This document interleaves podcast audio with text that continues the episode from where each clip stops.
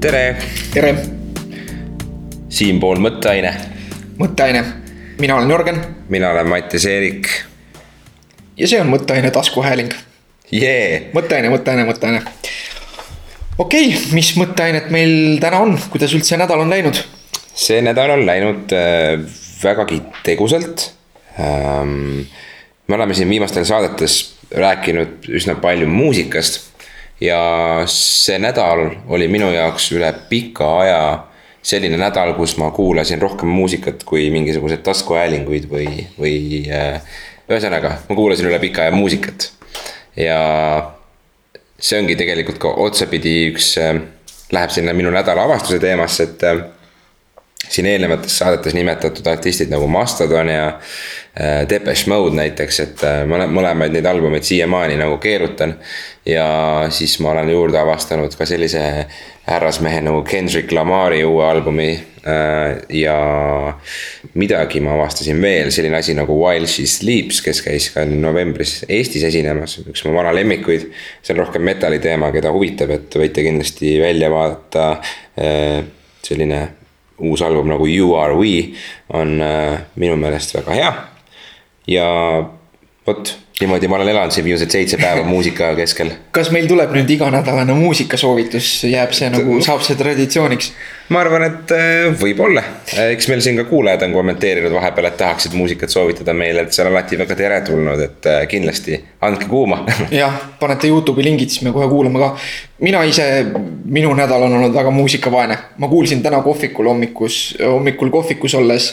kuulsin äh, ühte lahedat lugu ja siis ei jõudnud seda Shazam ida ja siis läksin teenindaja juurde ja ja küsisin, et oh, et see oli nagu mingi hea gruuviga lugu, tegelikult pani seda esimesena tähele mu äh, armas abikaasa.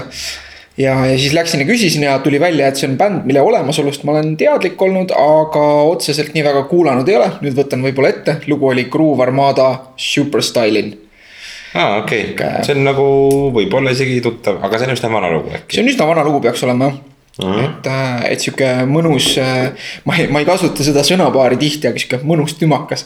oi, oi, oi, oi, ohtlik, ohtlikud terminid. seda, seda ma ütlen väga harva ehm,. okei okay.. mõnnatümm äh.... mida sa sellel nädalal enda jaoks avastasid?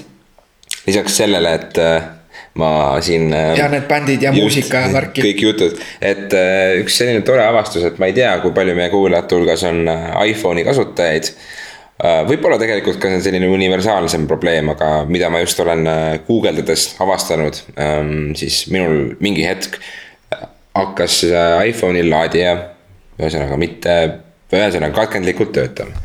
ja, ja siis ma arvasin, et tegu on laadijas, ma arvasin, et selle pealt on need hambad või midagi ära kulunud, et see ühendus katkeb. seda ka soovitavad tegelikult Google'i artiklid, et ilmselt on see nagu nii-öelda mustus sinna peale läinud või ta on lihtsalt ära kulunud. et kuidas parandada Apple'i toodet, pead lugema Google'ist. jah, just, aga, aga ühesõnaga, mis tegelikult juhtunud oli see, et äh, ikkagi äh, suure pikaaegse taskus kandmisega on minu telefoni laadija auk äh, mingisugust pusa sinna sisse natuke kogunud ja see oli sinna päris nagu tahaotsa kinni, seina külge kinni nagu läinud. ja siis ma lõpuks võtsin ühe nõela otsa ja sahkerdasin seal sees ja siis tuli mingi ilge nutsakas sealt välja ja siis nüüd laadija hüppab nagu klops sinna sisse tagasi ja laed läheb nagu täiuslikult, et. et see oli selline väikene mõte, et oo, võib-olla peaks telefoni ümbris kasutama, et äkki see aitab rohkem ära hoida, aga samas see avavus on seal ikkagi ju lahti, et ma ei tea. ja mul kõrvaklapiaukudes on sama teema, et see pusa on sinna sisse mingi viimase kahe aastaga vist midagi sellist kogunenud, et ilmselt taskuks kandmisega tuleb. et äh, inimesed, puhastage enda asju. jah, et jälgige, et kui kellelgi veel on äh, ühendusega probleemid selle kaabliga, siis võib-olla on seal mingi lihtsalt seal augus mustus. mind on sellest asjast päris hästi alati välja aidanud äh, see balloonis suruõhk, mille ja. ma ühel hetkel enda jaoks avastasin ja siis nüüd mhm. pihustan aeg-ajalt enda elektroonilisi seadmeid sellega mm. -hmm ja et mul bändikaaslasel oli ka talvel vist niimoodi, et ta viis ka esindusse ja siis tüübid korraks tagaruumis tegid kõss-kõss ja siis äh, tõid tagasi, ütles, et näed, nüüd on puhas, et. et jah, nad palju nad raha võtsid huvitav selle eest. tasuta oli see vist. no siis on hea, hea teenindus. IM arvutites on üsna head inimesed, et minul äh, kol-, nagu töö juures olen tellinud siin tooteid, et siis ka alati on väga meeldiv teenindus iga inimese poolt, kellega ma kokku olen puutunud, et äh,. mitte, et ma siin mingisugune õuna fännboi tahan olla, lähme edasi sellest teemast. jah äh,. mul on täna üks nendest päevadest, võib-olla häälest pole kuulda, aga ma olen juba hommikust saadik nagu jube väsinud. mõnikord lihtsalt on selline päev, ärkad üles, juba oled väsinud, ma ei tea, mul on igasuguseid hüpoteese, miks, miks see just praegu just niimoodi võib olla, aga see selleks äh,. aga noh, positiivne on see, et ma ei tunne, et ma nagu päeva lõpuks oleks rohkem väsinud, ma olen, ma olen nagu.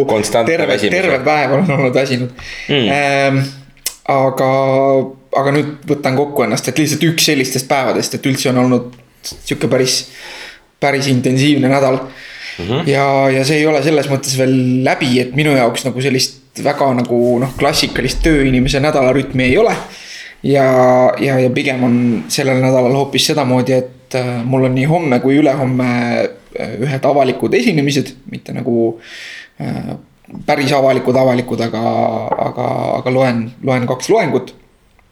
ja mhm. siis on veel neid vaja ette valmistada ja igasugust muud tegemist. Et, et selles suhtes ma olen natukene loppis. aga enda jaoks avastasin ma, mis oli mu möödunud nädala nagu selline meelelahutusavastus tegelikult, et, et enamasti ma räägin siin mingisugustest huvitavatest artiklitest või asjadest, mis ma olen leidnud.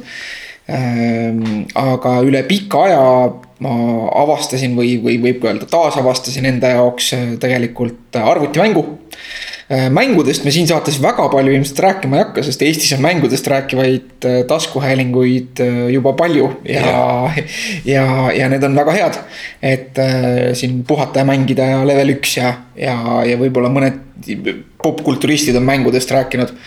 aga tuli välja remaster sellisest mängust nagu Full Throttle, mis on tuhande üheksasaja üheksakümne viienda aasta LucasArtsi hiirekliki seiklusmäng ja, ja sellest siis äh, uuesti tehtud graafikaga ja, ja uuesti puhastatud ja miksitud heliga versioon. ja, ja see on super lahe, ma soovitaks kõikidel seda mängida, see äh, praegu maksab erinevates äh, netipoodides digilevis umbes kaksteist eurot seal kümnest kuni viieteistkümneni no see on üsna odav siis, et aga kuidas, ütle paari lausega mängu võõrale inimesele, et mina ei tea sellest mängust midagi, et mis, mis ta endast kujutab siis, et kas ta on nagu rohkem, ütleme. selline erilise staatusega või selline nagu kultuslik asi või ta lihtsalt on mingisugune suvaline mäng, mis sa avastasid, mis sulle meeldib? ta on sihuke naljakas, tähendab minul jäi ta, minul on sellest nagu väga soe mälestus ka, et kuskil seal aastal, ma arvan, võiski olla üheksakümmend kuus. jäi see mul pooleli, sellepärast et see piraatkoopia, mida ma mängisin, oli vigane. et ah,, okay. et ma umbes kolmandiku peale jõudsin mm -hmm. sealt, aga see lugu ja värk on noh, esiteks peab alustama sellest, et noh, kas sulle üldse meeldib arvutiga mängida. kui seal on vastus ei, siis on nagu võib-olla kahtlane, aga, aga miks mitte, see on võib-olla hea nagu sihuke sisenemiskoht, et nagu. aastal kaks tuhat seitseteist on hea, hea nagu intro arvutimängudesse. ja kusjuures, kusjuures on, et see on nagu äh,. noh, nagu ma ütlesin, et see žanr on hiirekliki seiklus, ehk siis see on nagu sihuke interaktiivne lugu, mille käigus sa lahendad mõistatusi äh, stiilis, et nagu sul on noh, need on võib-olla mm -hmm. nagu mingid spoilerid, aga umbes, et sul on vaja saada kuskilt bensiini enda mootorrattale, see on nagu sellistest futuristilisest natuke nagu postapokalüptilise vibe'iga nagu motomeestest mm.. aga sihuke hästi hea huumoriga häälnäitlejatest kõige tuntum mees on äh, Mark Hamill, kes Aha. mängib nüüd Luke Skywalkerit jätkuvalt eks ju, kes seal äh, siis teeb ühe hal-, nagu nii-öelda pea halva tegelase häält ja väga-väga lahedalt teeb. ja, ja teised häälnäitlejad on ka päris äh, nagu sellised prestiižsed. küll nagu peaosaline ei ole enam äh, meie hulgas et äh, tahad surnud äh,. aga et väga siukse laheda vibe'iga, hea huumor, hästi animeeritud ja seal on, saab kogu aeg jooksvalt vahetada nagu selle üheksakümne viienda aasta graafika ja siis selle remaster'i vahel. ükskõik mis hetkel nagu klahv, noh nagu ühe klahvi kombinatsiooni vajutusega ja, ja need mõlemad stiilid on nagu hästi ilusad või lahedad ja see on mm -hmm. kogu aeg nagu lahe vaadata, et kuidas okay. nagu, et see on sihuke hästi ilus nagu mm -hmm. pixel art, mis niikuinii on nagu praegu tagasi tulnud aa, siis sellel on ikkagi tegelikult ka selline vägagi sisuline väärtus rohkem ka huvilistele, kes tahavad näha üldse arvutimängude võib-olla mitte arengut, aga selles mõttes nagu väikest võrdlusmomenti. mis on üldse näiteks noh, jälle muusikast rääkides siis albumid, mida on remasterdatud, eks ole Neid on tehtud korduvalt ja korduvalt, iga kahekümne aasta tagant tuleb jälle mingisugune popp-album välja, mis on remasterdatud ja. kui sa võrdled tegelikult, kui sa lähed ikkagi selle esialgse albumi juurde tagasi, siis tihtipeale mulle on nagu see esialgne sound meeldinud sellepärast, et. tunne lihtsalt on selline, et sellel hetkel see jäi niimoodi purki ja see oli niimoodi aga samas mulle meeldib ka võrrelda, et. noh, selle mängu arvustustes on ka, et nii-öelda vanad fännid kirjutavad, et nad tegelikult äh, tegid selle nüüd mäng, nüüd on mänginud niiviisi, et nagu vana pikslise graafikaga ja uue heliga. et see annab nagu kõige parema mängukogemuse, et. Äh, et aga mulle endale meeldib seal vahetada ja tegijate kommentaarid ja kõik siuksed asjad. et ta on hästi nagu sihuke hästi sihuke muhe, ta ei ole väga pikk, et see ongi nagu naljakas, et ta ei ole nagu sa küsisid kultusstaatuse kohta, et ta ei ole kindlasti nagu üks nendest kõige eredamatest kultushittidest nagu tollest ajast võib-olla teatakse nagu ilmselt Monkey Island on kõige tuntum seeria mm. -hmm. ja, ja, ja seal võib-olla mõned asjad veel, aga, aga just sihuke. ta on noh, selline rahulikuma tempoga, et sa ei pea nagu nii-öelda kogu aeg näppu päästikul hoidma nagu praegustes mängudes, et pigem see ongi, et sa mängid mingit lugu läbi aga samas võrreldes tänapäevaste nagu selliste hiirekliki seiklustega nagu Walking Dead või, või need Telltale'i seeria Batman'i mäng sealt on ta nagu, need mõistatused on nagu tolle aja kontekstis on need mõistatused väga lihtsad, aga võrreldes nagu tänapäevaste asjadega on need siiski üsna keerulised mm. -hmm. et seal on nagu mõned nii-öelda kastist välja lahendused, ma ise paar korda kasutasin ka nii-öelda walkthrough'd et, äh, et see on nagu maitse asi, kas seda teha, aga. aga et kunagi nagu mängiti neid mänge niiviisi, et internetti ei olnud ja siis sa nagu ragistasidki mingi mõistatuse otsas võib-olla nagu. tund aega ja siis läksid magama ja hommikul ärkasid üles, siis mõtlesid, ahah, ma tean, kuidas seda teha yeah,. Yeah, et see oli nagu sihuke teistsugune vibe. aga, aga just, et ma arvan, et see mäng võiks meeldida neile, kellele muidu mängud ei meeldi ja, ja kindlasti võiks ta sobida kõikidele, kes huvituvad nagu mängudest ka mingisugusel metatasandil või üldisemalt mm.. ja, ja kindlasti kõikidele, kes tunnevad, et sihuke muheda looga nagu sihukese heas mõttes multikaliku graafikaga, aga samas sihukese vähe täiskasvanulikuma sisuga. Äh, selline natukene postapokalüptilise vibe'iga sihuke äh, road movie seiklus mm -hmm. sobiks, et, et neile selle raha eest loomulikult nagu võib siin, ma oletan, et nagu mõne kuuga, maksimum poole aastaga pakutakse seda juba mingites pakkides a la viie euro eest, aga. aga ma arvan, et see ei ole väga pikk, see on kuskil nagu võib-olla neli-viis tundi pikk ainult mm. -hmm. aga, aga seda nagu kahteteist eurot, ma arvan, on see seiklus kindlasti väärt.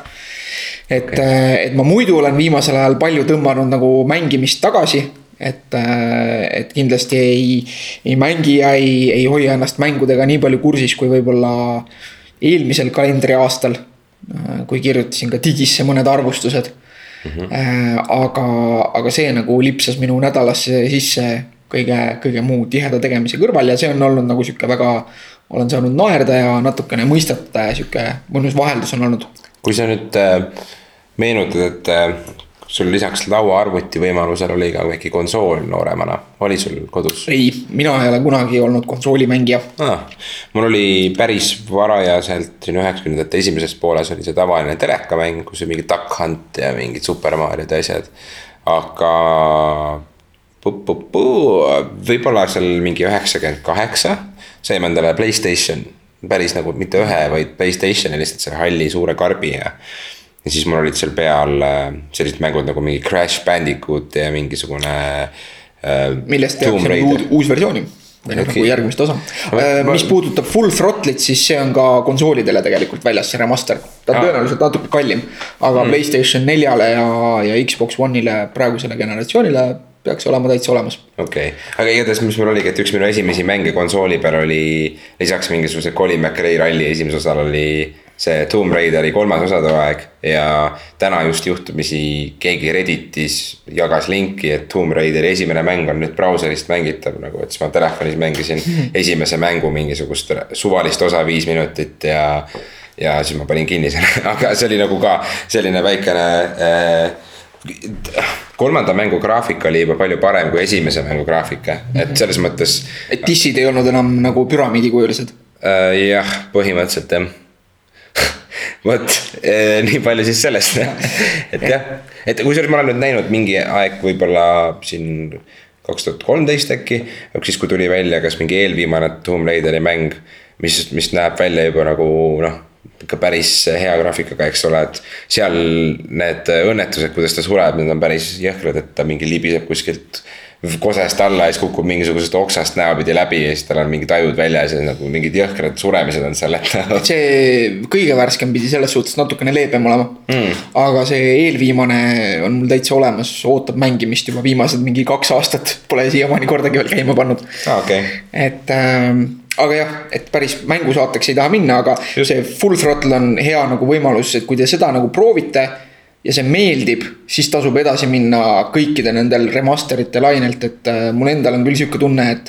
nii palju, kui mul nagu mahti on, et need on ka selles suhtes tempo poolest, nagu ma ütlesin, aeglased, et saab nagu salvestada ja mängida edasi täpselt siis, kui viitsid. Äh, järgmiseks ma ilmselt võtan ette Day of the Tentacle'i, mis on ka nagu nooremast east hästi sooja mälestusega, sellest oli ka remaster just eelmisel aastal tuli välja. Äh, Grim Fandango kõik need LucasArtsi klassikud, mis on nagu suurepäraste nagu stsenaariumitega. ka täiesti tänapäeval nagu need lood on lihtsalt nagu väga-väga head ja, ja huumor on väga hea. Äh, et, et nagu, et selleks nagu just see entry point, et teada saada, et kas see on see tee, kuhu on mõtet minna, ma arvan, et selleks on nagu see full throttle kõige parem vinge, okei. Okay.. Äh, ja üks avastus veel, mis läheb tegelikult kokku eelmise nädala suure teemaga. Et äh, rääkisime sellest, et kuidas nagu sotsiaalmeedia meid kontrollida püüab ja, ja nagu äh, et see on väga halb, eks ju. et äh, olen proovinud leida nagu erinevaid võimalusi, kuidas endale enda sealt nagu väljarebimist võimalikult lihtsaks teha. samas arvestades sellega, et, äh, et oma nagu tegemiste ja eluviisi tõttu nagu selline päris cold turkey variant, et äh, uueks telefoniks ostan endale mingisuguse nuputelefoni ja. ja, ja, ja, ja panen Facebooki konto kinni, et see nagu minu jaoks päris variant ei ole. et üks asi, mida ma olin teinud, on see, et ma jälgisin enda telefoni kasutusaega. Äh, sellise äpiga nagu Quality Time, vist varem mainisin ka seda. aga nüüd ma leidsin sellise küll kahjuks veel väga vigase äpi, aga see on nagu suurepärane idee. et selline firma nagu Dopamine Labs äh, kus siis nagu ongi nagu kaasatud ka neuroteadlased ja psühholoogid. Äh, on teinud või arendavad hetkel sihukest äppi nagu Space. sellise nimega äppe loomulikult on palju ja mingid mängud, et seda tulebki otsida nagu selle Dopamine Labsi järgi. ma panen selle äh, lingi ka üles. aga see idee on siis selles, et äh, sa saad nagu enda soovitud äpid teha selliseks, et kui sa paned äpi käima, näiteks paned Facebooki käima, siis äh, see äpp ei lähe nagu kohe käima, vaid äh, seal on mingisugune nagu noh, see äpp on veel veits, ta ei tööta nii nagu peaks, aga ma arvan, et seal peaks olema sihuke teatud kestvusega, aga samas nagu juhusliku pikkusega paus. mille ajal ta näitab sulle lihtsalt sihukest fotot kosmosest või nagu digitaalset nagu pilti kosmosest. ja ütleb, et äh, nüüd tee nagu mõni rahulik hingetõmme ja mm -hmm. siis ekraanil on ka sihuke nagu pulseeriv ring sihuke rahulikult nagu suureneb ja aheneb mm. -hmm. ja siis sa nagu hingad rahulikult ja alles siis läheb see äpp käima.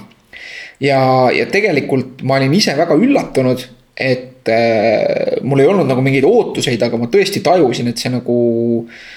noh, praktiliselt kohe nagu vähendas mu sellist äh, võib-olla nagu aeg-ajalt ka sellist kompulsiivset nagu Facebooki kontrollimist või et ma umbes vaatan, palju mul notification eid on või mis nagu mingites teemades toimub, et ta nagu lõikab selle nii-öelda kiire tagasiside ahela läbi mis on nagu üles ehitatud selle peale, et sa paned äpi käima ja siis see äpp nagu avaneb ja sa nagu kohe näed midagi uudset. et see, et sul on nagu selle liigutuse ja siis selle reaalse nagu tagasiside vahepeal nagu mingi sihuke paus, kus sa nagu hetkeks võtad aja maha et see näib hästi toimivat ja ma loodan, et nad lähevad selle arendusega edasi. noh, näiteks seal on väga suur puudus hetkel on see, et kui sa nagu käivitad äpi, kas enda notification bar'ist või äh, nagu task bar'ist, siis see nagu ei tööta. et äh,, et see oli nagu minu sihuke teine ahaa-hetk, et ma avastasin, et mu nagu käitumine hakkas kiiresti otsima ise nagu poolautomaatselt nagu viise, kuidas nagu seda äppi mitte nüüd käivitada sealt nagu shortcut'ist vaid minna nagu notification'ist või siis nagu taskbar'ist mm. -hmm. et, et siis ikkagi saada nagu see fix nii-öelda. et, et äge, äge rakendus ja, ja võimaldas mul nagu enda käitumisest nagu paremat äh, arusaama saada. jah, meil siin äh, Voos ühel kolleegil on ka analoogne programm arvutis peal, mis iga täistunni aeg tõmbab tal ekraani nii-öelda halliks, ta ei saa midagi rohkem vajutada, tuleb suur tekst ette, et ja noh, ta saad selle seadistada, et kas ta teeb sulle, teeb sulle sundkorras viis minutit pausi näiteks mm. -hmm. siis panebki endale nagu sinna noh teksti, et mine joo vett või mine siruta nagu ja siis see käib tal iga natukese aja tagant, et tõsi, ta saab küll nagu edasi lükata, kui see tuleb sulle ette mingi graafi kombinatsiooniga aga sellegipoolest see on hea asi, mida kasutada. et see ikkagi sunnib sulle nagu ette, et mina näiteks ei pane tööl tähele, et jälle on tund täis saanud, et ma panen mõnikord tähele, et juba on kolm tundi möödas ja see on nagu halb, et ma peaksin vahepeal ikkagi vett jooma ja sirutama, näiteks täna ma ei joonud päeval üldsegi vett ja mul juba keskel kella nelja aeg oli pea nii jõhkralt valutas, et ma natuke varem läksin koju ära. ja tegelikult ma saingi aru, et, et ma olin liiga kaua olnud arvuti taga ja ainult kohvi joonud, et see on nagu mega halb. noh, et see ongi nagu, me peame nagu mõtlema paratamatult, see haakub ka natukene tänase suure teemaga, et me plaanime rääkida natukene tervisespordist ja, ja sellest, kuidas sellega alustada. aga, aga et kui me võtame nagu selle eelmise nädala teema lõpetuseks või jätkuks mm, -hmm. siis äh, noh, me rääkisime sellest, eks ju, et meie vastas on nagu disainerite ja, ja, ja, ja psühholoogide ja neuroteadlaste armeed, kes nagu püüavad meie eest meie käitumist disainida mõnes mõttes. selliselt, et see oleks nende ettevõtetele kasulik, siis noh asi, mida me saame teha nagu üksikisiku tasandil või enda tasandil, on see, et me peame mõnes mõttes disainima enda elu nagu vastu või, või ise tegema nagu neid disainiotsuseid, et, et neid automatisme nagu näiteks kõrvaldada või vastupidi, tekitada siis mingeid positiivseid automatisme, nagu näiteks see sinu kolleegi näide või. et, et me ei saa lootma jääda sellele, et kui meil on nagu nii-öelda see, kui me oleme töövoos sees äh, planeeritud kalambuur sinu elukutse aadressil. siis, äh, siis me ei saa loota, et me sealt nagu väga lihtsasti ennast välja rebime või vastupidi, et väga lihtsasti rebime ennast välja sellest, kui me oleme justkui nagu mingisuguses multitasking'u nagu tsüklisse sattunud. me peame selle ära disainima enne, kui me selle peale nagu teadlikumalt mõtleme. Et äh, kas siis mingite meeldetuletajatega või, või, või muude abilistega või et me peame nagu mõtlema, kuidas me enda elu ise disainime. Et hästi lihtne on äh, kaasa minna mingisuguste mustritega ja, ja ära unustada äh, mõtted ja kasvõi see, et me siin enne saate lindistamist rääkisime seda, et oi, et oli üks või teine mõte, mida oleks tahtnud saates rääkida ja, ja isegi sellised asjad ju lähevad igapäevaselt nagu seal kiire tempo juures meelest ära, et meil on nagu palju, paljudel erinevatel tasemetel on nagu erinevaid mõtteid ja asju kogu aeg, mis jooksevad nagunii taustal ja hästi kerge on äh, ära unustada seda, et joo vett või puhka silmi, et see on nagu Just. kõige, kõige põhilisem asi, mida tegelikult tuleks teha. et mulle ei ole kunagi meeldinud termin nagu life hacking, mis on mm. nagu minu meelest natukene sihuke noh, see Häkki, läheb natukene. häkkimine tundub iseenesest juba nagu ebavajalik asi mõni, mõnes mõttes. jah, et, et see on nagu sihuke, see life hacking seostub mul alati nagu sihukeste asjadega, et umbes a la noh kuni sinna välja, et nelja minuti kõhulihased, eks ju. et, et ma nägin selle kohta Äh, täna nagu sihukest head meemi ühel äh, Facebooki lehel kust on viimasel ajal üldse häid artikleid tulnud üks personaaltreener, kelle nimi on James Fell.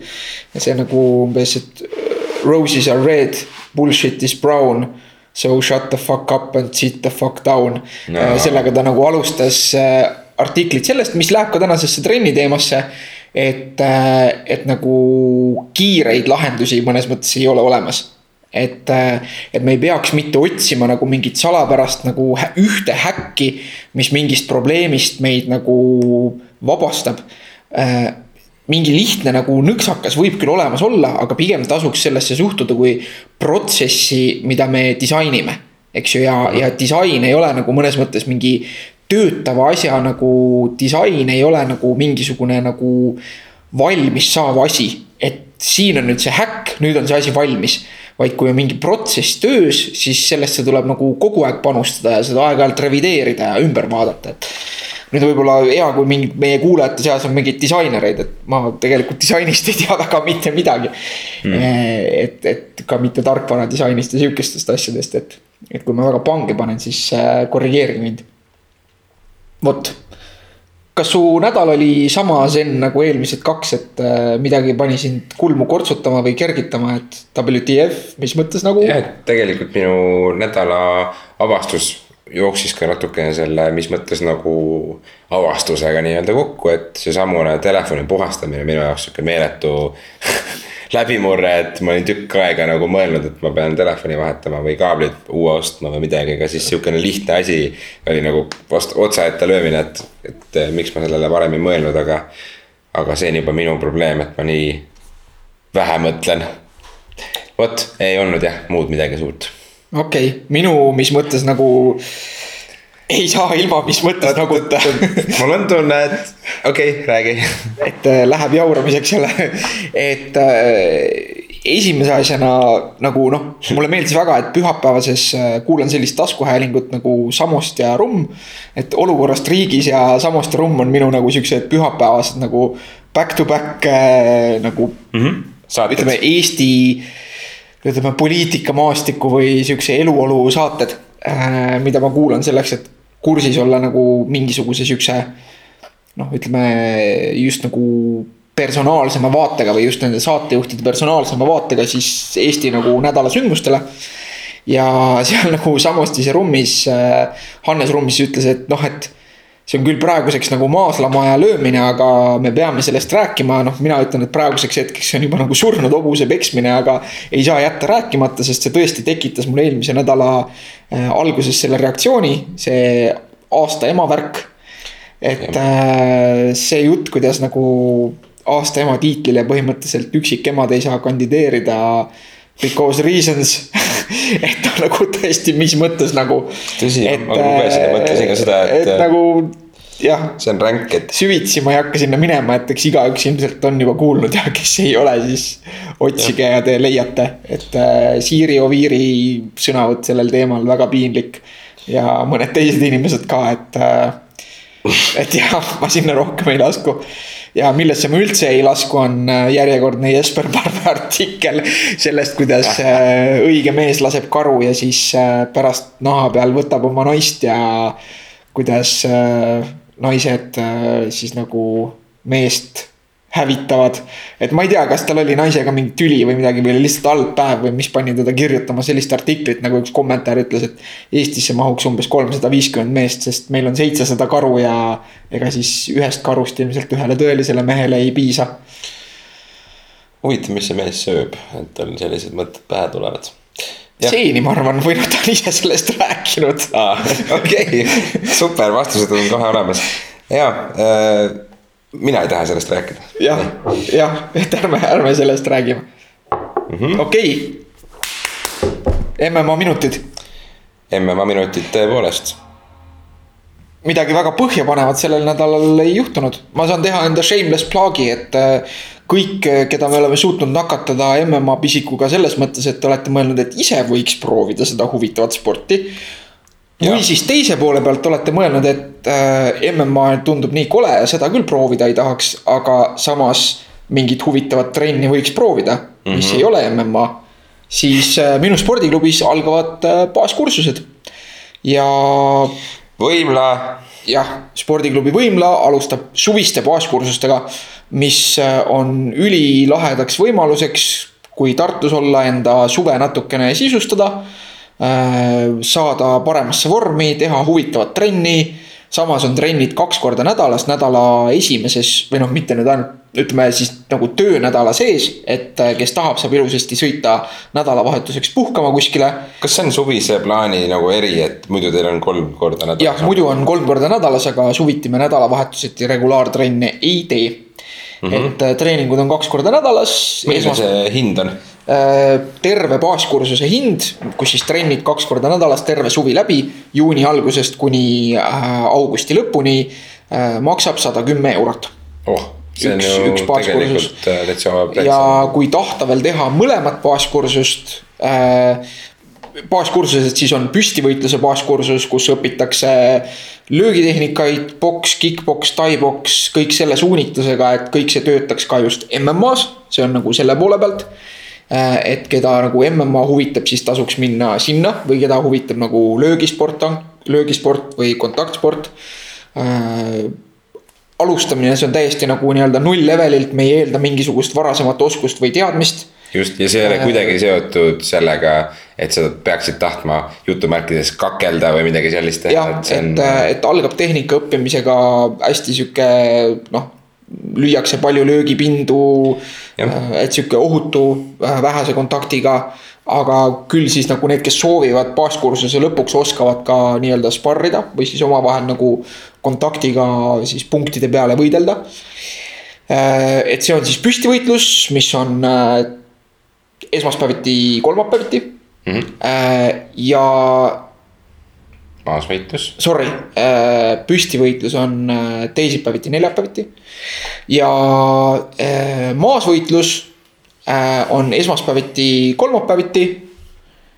ma loodan, et ma nüüd neid segamini ei aja, aga no. igal juhul nagu niikuinii te lähete koduleheküljele www.voimla.ee ja vaatate järgi ja, ja saate sealt teada või, või saadate meili info at voimla.ee. et äh, maasvõitlus on siis Brasiilia jujitsu, see sobib neile, kes tahavad edasi liikuda MM-aga, kui sobib ka neile, kes, keda tegelikult nagu ei huvita MM-aga, kes tahaks teha mingit põnevat võitlussporti, kus samas löömist üldse ei ole. et see on siis nagu selline üksteise sõlme väänamine yeah., eks ju äh, Brasiilia jujitsu siis nagu alistuse peale maadlemine, et igasugused liigeselukud, äh, kägistusvõtted, aga jällegi nagu kõik algab sellest, et õppida ära need asendid, milles nagu nii-öelda partervõitlus üldse toimub. ehk siis ja. maasvõitlus mm -hmm.. vot, jah, ühesõnaga, kes, keda huvitab, see otsib ja proovib ja äh, suvi läbi sisus, tehke enda suvi sisukaks äh, just. arendage enda võitlusoskusi, äh, tutvuge lahedate inimestega. ja kusjuures üks väga oluline asi, mida sa tegelikult pole veel öelnud, siis see spordiala või, või hobi või ükskõik kuidas kellelegi äh, teritab väga vaimu ja olles ise ka varasemalt ühel baaskursusel käinud, siis äh, minu jaoks, nagu ma siin võib-olla üks saade rääkisin, et ma lugesin raamatut ja sain pea välja lülitada. siis seal trennis on samamoodi niimoodi, et kui sa ikkagi neid harjutusi teed ja kellegiga kahekesi seal kordamööda harjutad. siis ega noh, oleme ausad, sa selle aja jooksul ikka väga palju mingisuguseid äh, kodumuresid ei mõtle, vaid sa jälgid seda, kuidas su keha liigub kuidas sinu trennikaaslase keha liigub ja sa saad selleks pooleteiseks tunniks nagu esiteks väga hea füüsilise trenni pea, pea saab sul puhata ja, ja kõik on tegelikult väga vinge, et nagu see on üliäge asi, mida teha.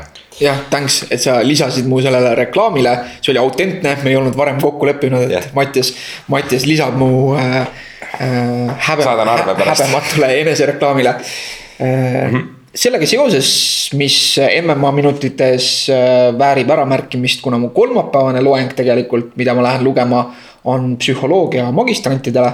Lähen rääkima äh, nagu spordi neuropsühholoogiast, mis, millest suur osa on see, et äh, kas ja kuidas tekivad spordis peapõrutused kas sa, kas sa, on, kas te loenguid üles ka võtate või see on lihtsalt one time? see on lihtsalt uh, one time nendele, kes on tulnud psühholoogiat no. õppima, et no,. siis me, siis me mõttele kanalisse ei saa eriväljaannet üles panna. ülikooli seda ei lindista, me võime, kui on huvi piisavalt suur, siis ma võin sellest pikemalt rääkida.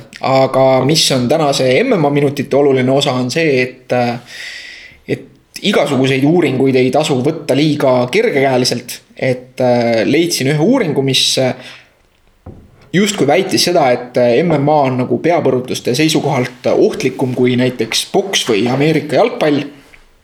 aga läksin sellesse uuringusse sügavamalt sisse ja, ja tegelikult äh, lugesin ka ühte, sattusin ka ühele kriitikale ja, ja olen sellega täiesti nõus ja, ja see uuring oli tegelikult tehtud äh, veidi kehvasti.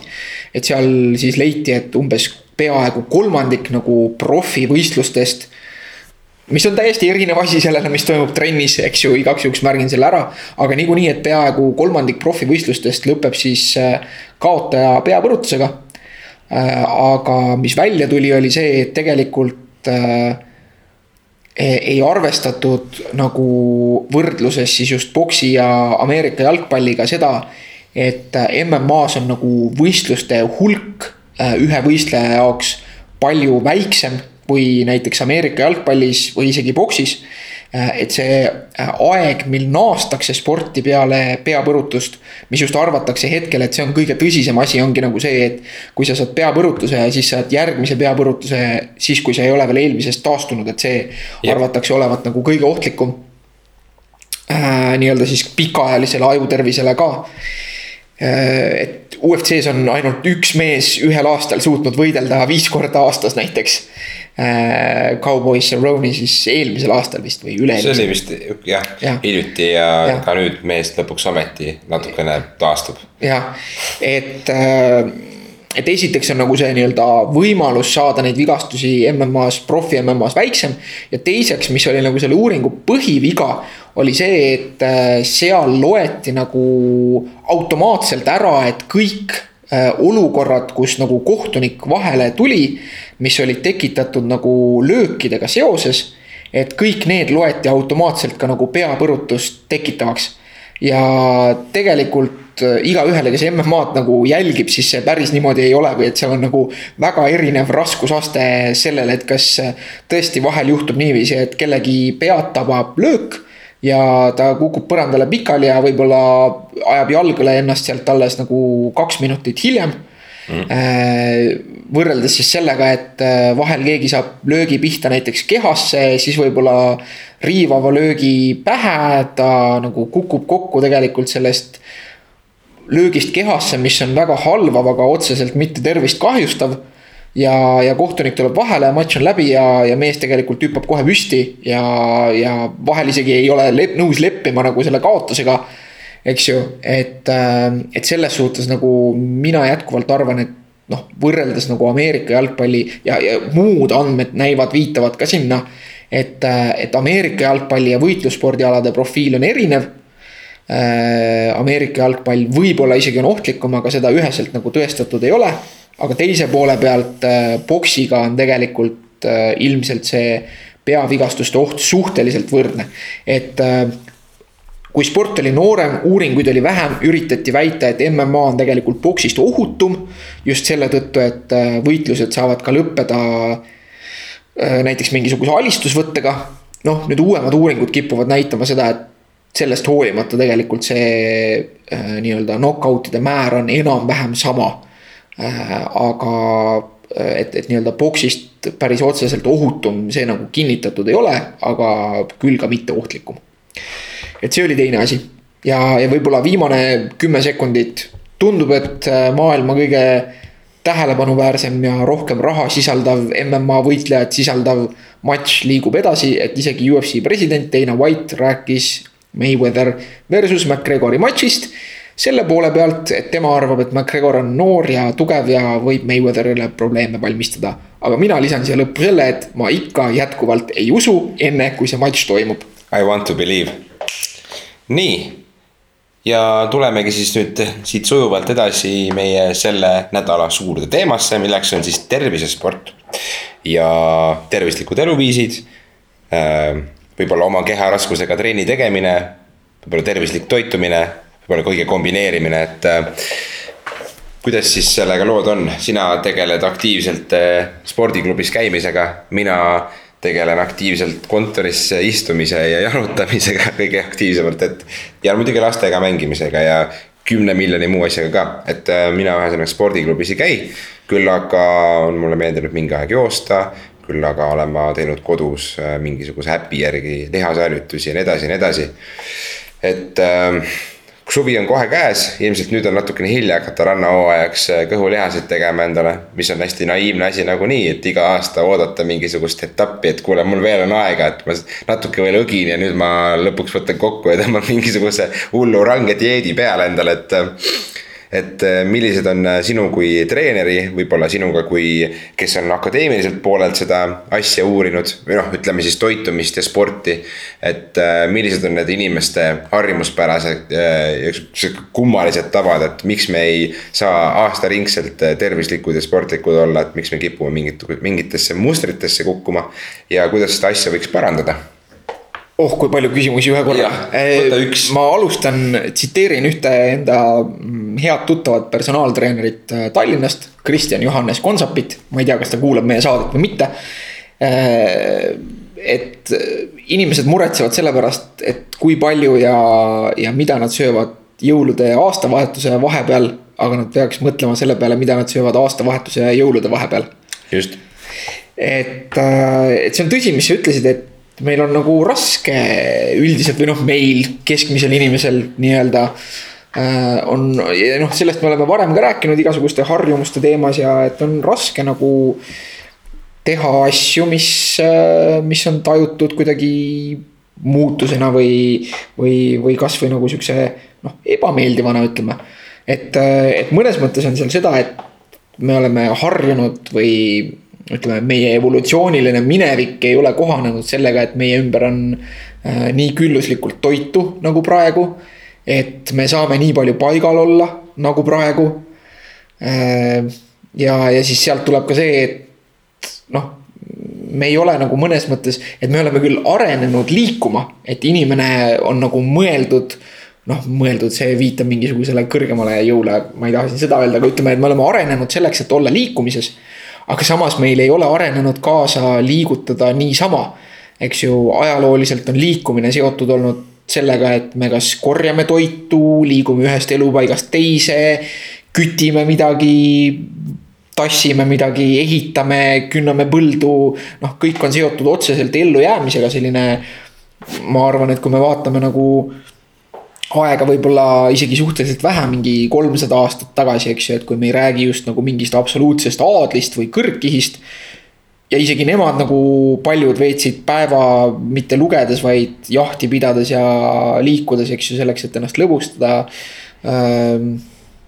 noh, tõsi, eks ju, et võib-olla aadlikud olidki need, kes ka lihtsalt äh, istusid toas ja, ja, ja kui uskuda maale, siis ka kasvatasid endale kenakesed kõhud ette, eks ju et, äh, et aga tavaline inimene, keskmine inimene ikkagi nagu pidi päev läbi nagu ränka vaeva nägema selleks, et tema elu nagu toimiks ja, ja, ja et tema lastel oleks hea ja kõike seda.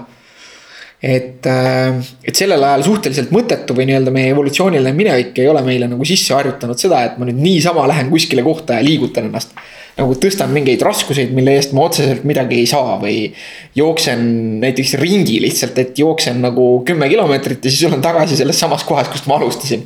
ja, ja nagu lähen oma eluga nagu edasi, et mm, -hmm. et, et selline käitumine nagu evolutsioonilisest seisukohast on nagu räige raiskamine ja, ja seetõttu meil ei olegi nagu väga lihtne võib-olla juurutada mingit sihukest äh, noh, mõnes mõttes justkui ilma põhjuseta või, või lihtsalt sellepärast, et nagu jutumärkides nagu peab äh, liikumist.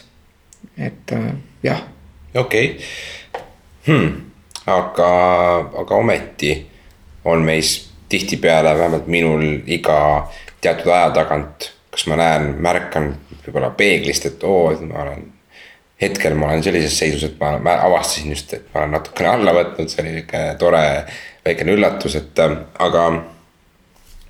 ikkagi noh, ma näen kas välimuses või ma näen midagi, et oo oh,, et ma peaks võib-olla rohkem trenni tegema selleks, et ma tunneks ennast nii või naa, et.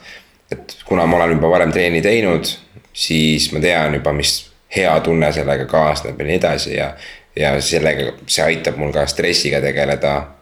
selles mõttes võib-olla mentaalselt äh, lõdvestada ennast, et, äh, et noh, millised võib-olla oleksid äh, äkki esimesed väga lihtsad mõtted või soovitused, et inimesed, kes ei taha minna spordiklubisse või ei taha minna kuskile kohta selleks, et teha trenni, et, et. Äh, ma ei oskagi nüüd öelda, igapäevaelus enda öö, liigutamine. Võib-olla on see probleem, mis üldjuhul on, on tihtipeale selline, et inimesed ei jälgi oma toitumist teevad kõvasti trenni, aga siis see efekt ei ole niivõrd hea, kui nad jälgiksid enda toitumist, et siis võib-olla vähem füüsilist trenni teha. Ehm, sest et siis lihtsalt su keha vajab ka vähem äh, põletamist. noh, mina alustaks sellest, et kõigepealt igaüks peaks, kes, kellel käib nagu peast läbi see mõte, et oh, et ma vist peaks hakkama trenni tegema või et äh, et äh, või, või et ma vist peaks enda toitumist muutma, mida, mis tihti on see, mida inimene esimesena nagu tähele paneb, et ta mõtleb sihukese asja peale. ja siis hakkab suure hurraaga peale. et äh, peaks nagu mõtlema, et mille pärast, et miks seda nagu vaja on. et, et mida ta tegelikult nagu tahab saavutada. ja, ja siis on nagu paratamatu see, et, äh, et kui inimene nagu esimene vastus sellele on see, et ma tahan kaalust alla võtta noh, siis see ei ole nagu väga jätkusuutlik, sellepärast et inimene väsib mingil hetkel ära või siis tekivad platood, et kui seda tagasisidet võtta nagu näiteks ainult sellest, et ma vaatan, kuidas mu see kaalunumber langeb. siis noh, enamik inimesi nagu ühel hetkel tõesti jah, väsivad sellest ära, kuidas iganes nad seda teevad ja siis löövad käega ja langevad tagasi või noh, see äh, alla võetud kaal tuleb tagasi, et seda ütlevad uuringud ka, et raske ei ole mitte nagu kaalu alandada, vaid raske on seda nagu muutust hoida. teine äärmus, mida on küll palju vähem, aga mis, mis on nagu võrratult ohtlikum, on see, et äh, jäädakse nagu liiga sellesse kaalu jäl-, nagu kaalu jälgimisse Äh, kinni ja, ja muudkui alandatakse seda kaalu või, või, või saa-, see kaal muutub nagu kinnisideeks ja, ja siis võib lihtsasti välja kujuneda söömishäire. Mis on juba väga otseselt nagu äh, tervisele ohtlik. et, et sinna kaasneb ka siis võimalik ületreenimine ja, ja, ja igasugused muud erinevad hädad. et, et see kaal on nagu halb sihuke, sihuke tagasisidestaja Mm -hmm. eriti nagu, eriti igapäevaselt või et kui ennast nagu iga päev kaaluda ja, ja hoidku selle eest, et päevas nagu veel mitu korda kaaluda, et. et kui ikkagi te avastate, et te ise või, või, või keegi teie lähedastest näiteks on selline kompulsiivne, noh, ütleme iga päev või veel sagedamini kaaluja. siis tegelikult tasuks rääkida, et kuule, et võib-olla see nagu fiksatsioon või, või keskendumine sellele kaalule ei ole nagu kõige parem lahendus, eriti pikas perspektiivis. isegi kui tundub, et oh, et nagu hetkel töötabki, et ma iga päev astun kaalule ja näen, et ma olen kakssada grammi kergem, et. praegu on nagu äge, aga noh, ühel hetkel enam ei ole, sellepärast et ühel hetkel seda tagasisidet enam ei tule ja. Ja siis on see tagasilangus võimalik või siis nagu see toimubki nagu liiga hästi ja keeratakse seal vint üle. et, et see on nagu selge oht, ehk siis tulles tagasi, et mille jaoks seda teha, et noh, et nagu mille jaoks on vaja seda kaalu alandada üldse ja kui sealt tuleb siis see, et okei okay,, et ma tahaks kuidagi olla nagu, võtame selle hea variandi, et inimene mõtleb, et noh, et ma tahaks kuidagi olla tervem või tunda ennast paremini. siis tasukski pigem mõelda selle peale, et mida on vaja teha selleks, et tunda ennast paremini, olla tervem. Ja siis teha neid asju, mitte mõelda selle peale, et mida on vaja teha selleks, et kaalust alla saada. okei et see on selline äh, psühholoogiline mäng. just, just, et see on sihuke pidev. aga, aga, aga enesedistsipliin ja enda, enda nii-öelda järjelhoidmine, šokolaadi mittesöömine või vaata, sa oled ka varem öelnud siin saates, et eh, asjade keelamine ei ole lahendus. et pigem on modereerida, pigem on mõistlikult planeerida oma toitumist, oma liikumist. Üks tore asi, mis näiteks mina äh, kontoris töötava inimesena, tegelikult ma arvan, et enamik meist ongi päevad läbi istuvad nagunii, kuulajad ka, et äh, et üks tore asi, mis teha näiteks selle asemel, et internetis vestelda mõne sõbraga, keda sa pole kaua aega näinud. leppida kokku, et äh, lähme jalutama näiteks õhtul kaks tundi, lähme räägime. sa saad sellest äh, reaalsest vestlusest palju rohkem ja samal ajal sa näiteks jalutad. Selle asemel, et äh, kirjutada kõik uudised ära, kuidas sul läheb, eks ole. ja nii edasi ja nii edasi, et neid pisikesi väikeseid siukseid noh, väikseid nippe, mis ei tee sinu elu spordikeskseks ja treenimiseks, vaid, vaid annavad sulle lihtsalt mingi põhjuse olla natukene rohkem aktiivsem. Äh, on tegelikult igal pool nurga taga võtta, et äh, lihtsalt tuleb natuke loominguliselt võib-olla läheneda, et. Et see on jah, see on hea tasakaal kuskil seal vahel ja no see on nagu jälle see, et inimene peaks vaatama, et kuidas ta saab oma elu, elu nagu mõnes mõttes disainida.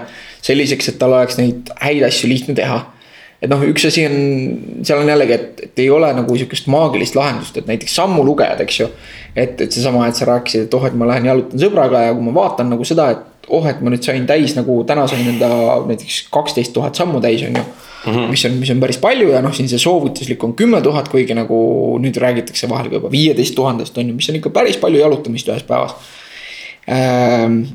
et äh, et, et on nagu leitud näiteks seda, et et kui inimesed, kes kasutavad regulaarselt nagu seda liigutusjälgijat või sammulugejat.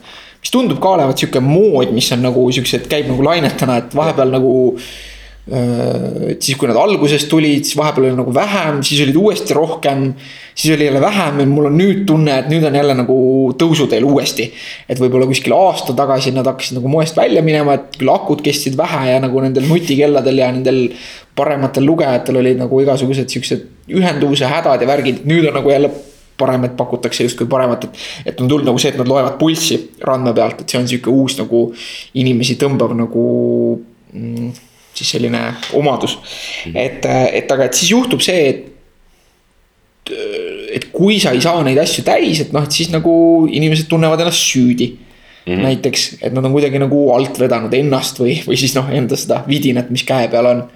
Ja, ja, ja see tekitab nagu jälle sihukese ebameeldiva assotsiatsiooni liikumisega, mis tegelikult peaks olema võimalikult loomulik ja pakkuma rõõmu. ja, ja, ja, ja siis on nagu seda häda, et kui see sammulugeja mingil hetkel mingil põhjusel jääb nagu seisma või jääb koju siis kipub ka see käitumine lõppema nagu, et siis kui sammulugeja jäi koju, siis ma umbes ei hooligi sellest, palju ma täpselt käin. et, äh, et alati on nagu kahjulik enda sihuke et kui ma tahan mingit asja teha püsivalt, siis on väga kahjulik siduda see mingisuguse välise tagasiside või välise tunnustusega. olgu selleks siis kaalunumber või see sammulugeja sihuke riba, mis näitab mulle, mitu protsenti ma tänastest sammudest olen teinud. et, et seal on nagu kahjulik tegelikult pikas perspektiivis siduda see sellise välise tagasisidega. sest, sest muidu nagu ilma on kohe nagu selline äh, motivatsiooni langus see võib olla kasulik selleks, et nagu ennast sellele käitumisele tõugata. aga siis tasuks võimalikult ruttu mõelda seda, et. nii. et, äh, et kuidas ma sellest aja jooksul ennast vabastan.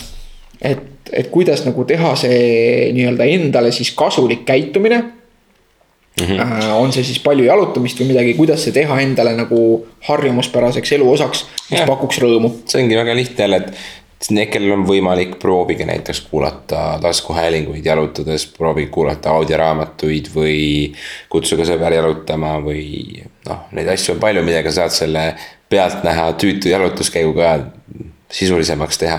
ja see on alati, et nagu, et väga raske on nendel inimestel, kes on näiteks üles kasvanud nii, et nad ei ole väga teinud sporti, neil on nooruses olnud teised huvid. ja mm., ja nagu noh, siis ongi raske sest nagu mõnes mõttes see ka hinnang sellele, kuidas ma suhtun liigutamisse. ja kuidas ma suhtun enda kehasse ja selle võimekusse. see kujuneb välja lapse ja noorukeas.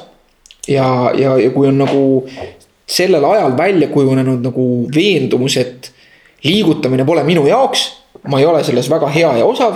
ja et see on üks vastik asi ja sihuke sunduslik asi, mida näiteks kehalise kasvatuse tunnis on sunnitud tegema ja siis ma kuidagi hädapärast vean ennast sealt näiteks nende kolmedega läbi siis sellisel inimesel ongi väga raske alustada nagu mingisuguse sportliku harrastusega.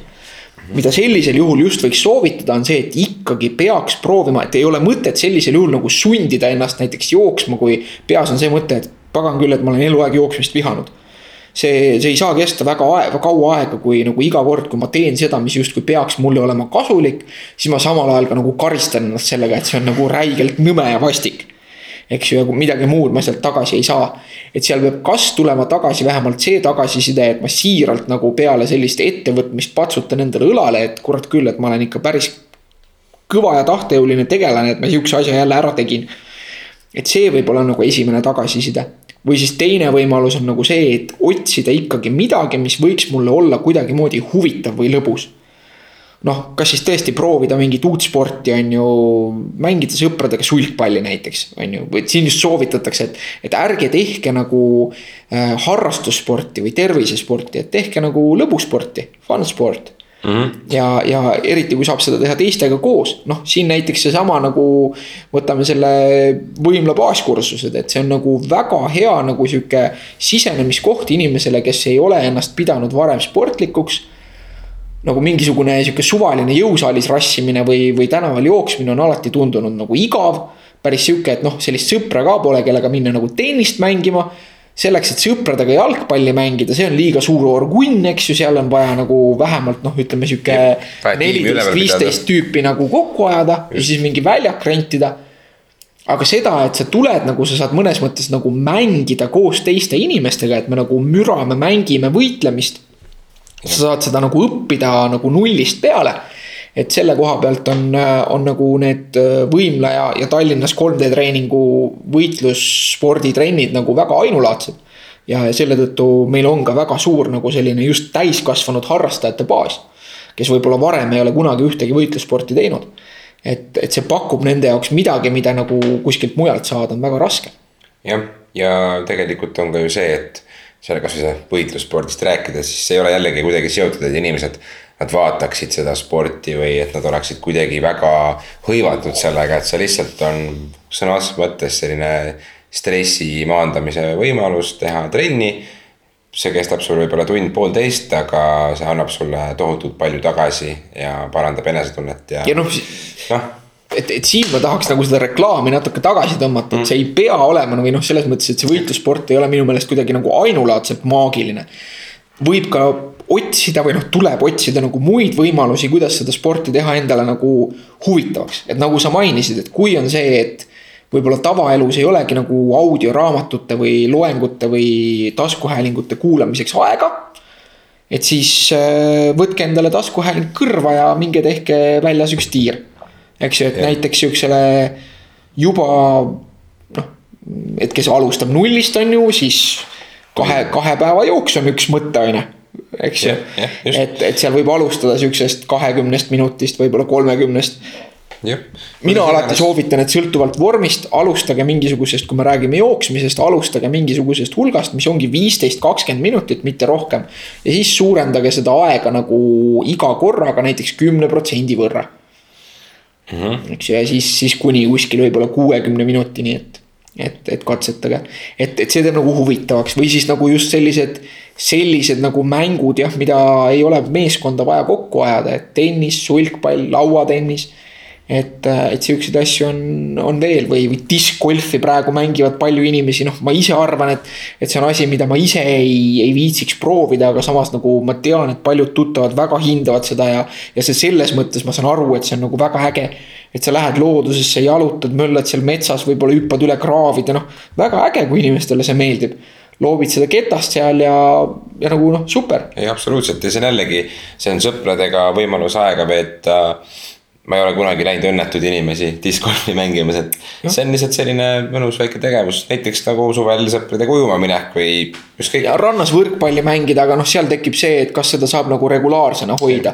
et, et aga suvel, kui ilmad on ilusad, tõesti nagu noh, ma olen näinud täiesti algajaid kuskil pargis kahe puu vahel seda slacklining ut harjutamas. miks mitte, see on väga-väga hea algus väga hea algus on leida midagi, mis oleks sinu jaoks huvitav mm. ja mis tegelikult nagu, kui sa leiad selle huvitava asja, mida sinna palju lihtsam on juurde panna, on näiteks see, et siis on võimalik juurde panna seda, et et sa tunned nagu, et noh, mis iganes asi sa teed, siis sa tunned, et okei okay,, et ma nüüd alustasin näiteks seal mingi kahekümne viie või kolmekümne või kolmekümne viie või viiekümne viie aastasena. et siis hakkad tundma seda, et noh, tegelikult keha natuke krigiseb ja võib-olla jääb kuskilt valusaks ja. et vot peaks midagi lisaks tegema, et siis on võimalik ennast motiveerida, et nagu et okei okay,, et ma natukene nüüd igapäevaselt võimlen lisaks või ma natukene käin jooksmas lisaks või. või ma lähen teen mingit jõutrenni lisaks mm. -hmm. selle eesmärgiga, et siis seda huvitavat asja nagu paremini ja rohkem teha. ronimine näiteks, eks ju, paljudele pakub huvi, mis on ka Eestis sihuke harrastusspordina, et kuskil nagu seina küljes rippuda ja ronida, eks ju. ka väga raske asi iseenesest, aga, aga paljudele põnev see on tõesti, see on üli, noh, see on, see on ikka väga raske, ma ei ole ise tegelikult nagu proovinud, aga mul on tuttavad, kes sellega tegelevad ja. ja, ja noh, siin ei olegi mõtet tegelikult rohkem rääkida mingist spetsiifikast, sõitke jalgrattaga või. just, proovige, proovige erinevaid asju nagu, et. et võimalused on olemas ja. et proovige mõelda kastist väljas ja, ja ärge võtke esimeseks asjaks seda, et oh, et kõik käivad rauda nühkimas. no ma siis lähen ka või, või kõik tallavad mingeid kilomeetreid lihtsalt noh, ja no ma siis lähen ka. et ju siis peab, noh ei pea, et see, see mina nagu ütleksin just, et see esimene eesmärk ei ole nagu mitte niivõrd selle trenni nagu maksimaalne efektiivsus mis tahes eesmärgi koha pealt. vaid see esimene nagu funktsioon peaks olema see, et ma tunnen, et see on nagu kuidagimoodi huvitav. noh, iseenesest võib ka jõusaalitrenn olla huvitav, et sa nagu proovid mingit uut asja, näed, kuidas raskused kasvavad. paljudele pakub see, ma panen kindlasti saate linkidesse ka, et et jõutrenn ei ole midagi maagilist, et ma paar aastat tagasi nagu panin tasuta välja nagu ühe algajate kava, mille ma ise tegin. lihtsalt selle eesmärgiga, et näidata, et kes nagu vähegi oskab ise kaasa mõelda, siis jõusaalis treenimise alustamine ei pea olema nagu mingi müstiline asi, et ma umbes pean nagu maksma jõhkralt mingile personaaltreenerile. mida ma võin loomulikult teha, kui ma tahan, et see töö minu eest ära tehtaks ja, ja ma tahan, et keegi mõtleks minu eest aga, aga see ei ole nagu mingi maagiline või ülikeeruline asi, kuidas nagu ehitada üles näiteks algaja jõutreeningu programmi mm. -hmm. et, et see kava on netis täitsa olemas ja, ja annan seda ära täitsa ilma rahata ja ja ilma ka selles mõttes nagu mingisuguse vastutuseta, et kui te seda teete, seda kava ja juhtub midagi halba, pillate endale sangpommi varba peale, siis selle kava tegemine on omal vastutusel, mina ei vastuta. loomulikult, kui nagu juhtub see, et te tunnete ennast hästi ja saate tugevamaks ja paremaks inimeseks ja mõtlete, et see oli hästi tore, siis ma võtan selle eest teiega koos täis kaasvastutuse. et jee, ma aitasin teid. jess, vot palju erinevaid jooksvaid mõtteid tõmbame otsa kokku selleks nädalaks, et kõik, kes kodus trenni teevad, kõik, kes käivad spordiklubis trenni tegemas ähm,. andke märku äh,, põnev oleks kuulda. kui, kui te tahate, et me võtame siit veel mingisuguse nagu nurga selle ise treenimise koha ja. pealt, et. et kuidas alustada või kuidas jätkata või kuidas mingist platoost üle saada, et siis äh, andke meile teada ja, ja me võtame kas mõnes järgmises saates uuesti suureks teemaks või, või teeme sihukese tagasivaate, nii nagu täna juhtus eelmisele nädalale. et äh, me teeme seda enda jaoks, aga me teeme seda ka teie jaoks. täpselt nii, okei okay,, nukid, nukid..